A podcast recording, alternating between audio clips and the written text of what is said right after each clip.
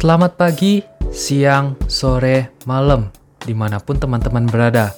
Semoga kita selalu diberi perlindungan dan kesehatan di masa pandemi ini. Sebelumnya kenalin, aku Dava dari Gelanggang, Seni Sastra, Teater, dan Film Universitas Pajajaran. Pada kesempatan kali ini, aku akan membahas tentang film yang baru-baru ini dirilis, yaitu film Akhirat Love Story. Film yang menjadi feature pertama dari Jason Iskandar ini menarik perhatian banyak orang sebab premis yang diangkat mengenai cinta beda agama. Wah, premis yang aku rasa ini pasti uh, udah banyak dong dialamin oleh masyarakat Indonesia sendiri, mengingat Indonesia ini yang sangat beragam gitu. Sebelumnya aku mau ngasih disclaimer nih, pada pembahasan ini aku 100% akan subjektif, di mana setiap kata yang terucap berasal dari perspektif serta pengalaman aku sendiri. Jadi, aku saranin banget buat teman-teman coba untuk nonton film ini dengan uh, pikiran kosong uh, agar teman-teman sendiri bisa menyimpulkan tanggapan teman-teman ataupun perspektif teman-teman mengenai film akhirat ini. Selain itu, spoiler alert, pada pembahasan ini akan ada sedikit uh, pembahasan mengenai adegan-adegan yang mungkin terkesan uh, spoilers bagi teman-teman. Jadi jika tidak ingin terkena spoilers, bisa bisa langsung saja untuk menonton film akhirat ini di bioskop terdekat. Baik, uh, aku mulai aja membahasnya. Film Akhirat Love Story bercerita mengenai kisah Timur, seorang akuntan muda yang jatuh cinta kepada seorang perempuan bernama Mentari. Mereka berdua memiliki perasaan yang sangat tulus kepada satu sama lain. Namun, ada perbedaan besar yang menjadi penghalang dalam kisah cinta mereka, yaitu mereka memiliki keyakinan yang berbeda. Ketika mereka ingin menjelaskan tentang hubungan mereka kepada keluarga masing-masing, musibah pun terjadi. Poin pertama yang akan aku bahas adalah mengapa aku sangat menyukai film ini. Jujur ketika aku memahami karakter Timur, aku kaget terhadap tingkat kemiripannya dengan diri aku sendiri. Apa yang dia pikirkan, apa yang dia lakukan, apa yang dia tunjukkan melalui emosinya, itu tuh terlalu persis mirip dengan uh, apa yang akan aku lakukan jika berada di situasi yang sama. Ketika menonton ini muncul pertanyaan, apa jangan-jangan uh, Jason Iskandar menjadikan aku sebagai referensi karakter timur.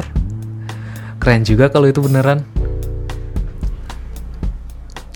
Akibatnya juga ketika aku menonton ini pandangan aku agak tidak bisa lepas dari timur gitu karena memang terasa seperti melihat cerminan diri aku di dalam uh, layar lebar.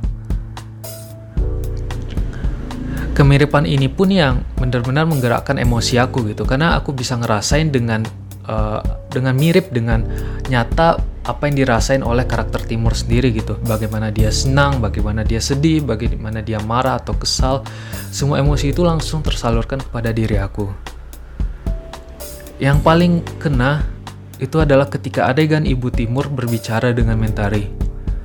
Tepat adegan itu aku seolah-olah ngeliat ibu aku sendiri yang berbicara mengenai diri aku.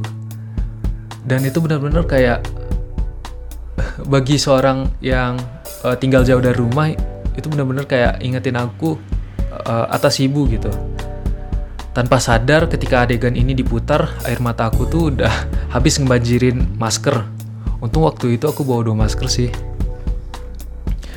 nah uh, berbicara mengenai film akhirat ini hal yang paling menarik adalah tentang temanya sendiri nggak afdol juga rasanya jika membahas film tapi kita tidak membahas temanya pada film ini, rasanya sudah cukup jelas ya tema apa yang menyelimutinya. Film ini mengusung tema perbedaan. Perbedaan pertama tentunya terjadi antara Timur dan Mentari yang menjalin kisah percintaan walaupun mereka berbeda agama. Kisah cinta seperti ini sudah sangat sering terjadi di masyarakat Indonesia. Dan seperti yang dilakukan oleh banyak orang, Timur dan Mentari tetap berusaha untuk memperjuangkan kisah cinta mereka. Namun perjuangan itu tentunya sangat rumit dan kompleks. Melalui film ini, Jason memaparkan rintangan perbedaan agama dalam sebuah hubungan, tidak hanya dipengaruhi oleh faktor luar seperti keluarga, teman, ataupun norma yang beredar, tetapi juga dipengaruhi oleh faktor internal dari Timur dan Mentari. Selain dari perbedaan keyakinan mereka, Timur dan Mentari, walaupun saling sama-sama saling mencintai, pada akhirnya memiliki perbedaan tujuan. Timur yang memiliki tujuan untuk menetap di akhirat bersama Mentari selamanya, sedangkan Mentari ingin kembali ke dunia nyata untuk berkumpul kembali dengan keluarganya serta mengejar impiannya. Jason di sini menggambarkan bahwa sering manusia dihadapkan antara dua pilihan, antara cinta ataupun keluarga, dan sering juga manusia perlu mengorbankan salah satu dari keduanya. Lalu perbedaan selanjutnya yang diperlihatkan pada film ini terletak dari perbedaan sudut pandang generasi tua dan generasi muda. Generasi muda menolak ide, generasi tua menolak ide tentang hubungan beda agama karena dari sudut pandang mereka yang sudah menjalani hidup lebih lama, hubungan beda agama ini tidak pernah berhasil. Seberapa dalam pun cinta antara kedua pihak. Sedangkan generasi muda lebih menerima bahwa cinta itu bersifat universal, dan bisa melalui batasan-batasan yang ada antar manusia. Inilah yang menjadi permasalahan utama yang disuguhkan dalam film Akhirat A Love Story. Lalu terakhir ada perbedaan mengenai kondisi hidup dan mati yang dijelaskan pada film. Melalui film ini, Jason memperlihatkan kebebasan yang tidak ada batasan ketika manusia itu uh, mati. Namun pada akhirnya muncul pertanyaan, apakah kebebasan itu yang benar-benar manusia inginkan? Melihat dari bagaimana karakter dalam film ini bergerak, bisa disimpulkan bahwa kebebasan yang manusia dapat ketika kematian menjemput hanyalah kebebasan hampa, seperti berjalan di, di atas pada rumput yang gak ada batasnya gitu. Kita bebas ngelakuin apa pun, tapi ujungnya itu hampa aja, karena tidak ada tujuan yang ingin kita capai. Berbeda dengan ketika kita hidup itu, walaupun memiliki banyak batasan dan halangan, hal itulah yang menjadikan hidup ini berarti dan bermakna. Berbicara mengenai bagaimana naratif pada film ini dijalankan, bagian awal film ini sedikit lemah. Penggambaran tentang dunia mentari bagiku sudah jelas. Hanya saja pengenalan terhadap dunia timur terasa sedikit kurang, terutama tentang bagaimana ikatannya dengan keluarga sebagai anak ataupun kakak ataupun juga tentang uh, keinginan serta motivasi dari dalam diri Timur sendiri. Secara keseluruhan, aku ngerasa karakter Timur ini sedikit kurang punya tempat di cerita ini. Walaupun Timur adalah karakter utama, aku ngerasa dia itu fungsinya uh, kurang lebih hanya sekedar hidangan tambahan agar plot terus berjalan dan karakter Mentari terus berkembang. Pada bagian tengah film ini, ceritanya terasa lost its way karena di satu sisi uh, aku merasa mereka mencoba untuk ber, uh, berusaha untuk menjalankan karakter art dari Timur dan Mentari, tapi di sisi lain juga mencoba menghidangkan eksposisi melalui karakter ataupun uh, situasi lain. Dan untayan itu tuh tidak tidak terlalu rapi dan jatuhnya seperti benang kusut. Untungnya nih, semakin mendekati akhir cerita, benang tersebut menjadi lurus lagi dan rapi. Berbicara mengenai eh, ending atau closure, aku rasa bagian ini adalah bagian terbaik dari film Akhirat Love Story. Karena di sini karakter Timut kerasa banget keberadaannya dan karakter Mentari pun tidak kehilangan tempat. Nonton juga pada bagian ini sukses dihujam dengan berbagai emosi. Aku rasa sih ini adalah salah satu cara yang baik dalam uh, menutup film. Berbicara mengenai bagian teknis pada film ini, aku rasa tidak akan terlepas dari sinematografi yang disuguhkan.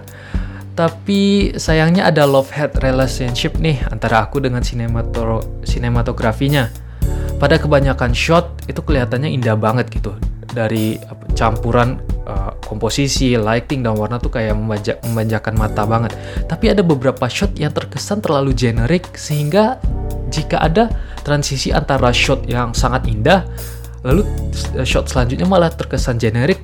Itu agak bikin mata kurang nyaman. Tapi secara overall shot yang disuguhkan ini udah sangat indah. Berbicara mengenai film Indonesia nih kayaknya kita nggak bisa lepas dari berbicara mengenai musiknya. Kayaknya hampir setiap film Indonesia yang dirilis itu punya musik yang bagus deh dan cocok aja pemilihannya gitu. Apakah memang mungkin udah mengalir ya dalam darah daging orang Indonesia bahwa musik ini adalah sesuatu yang harus ditonjolkan juga dalam film aku nggak tahu tapi ya uh, musik sendiri adalah salah satu elemen yang paling kuat uh, di film ini uh, film ini menggunakan musik uh, dengan fungsinya sebagai penggerak emosi dan aku rasa penggunaannya itu sudah sangat pas dan bagus karena memang ketika menonton ini pun musiknya memang benar-benar kayak menggerakkan aku, menggerakkan emosi aku untuk uh, mengikuti ceritanya. Ada satu adegan yang jadi favorit aku dari film ini. Adegan di mana lagu Pilu Membiru diputar itu ketika bagian tak ada yang ber, uh, berbunyi, air mataku langsung jatuh itu kayak wah.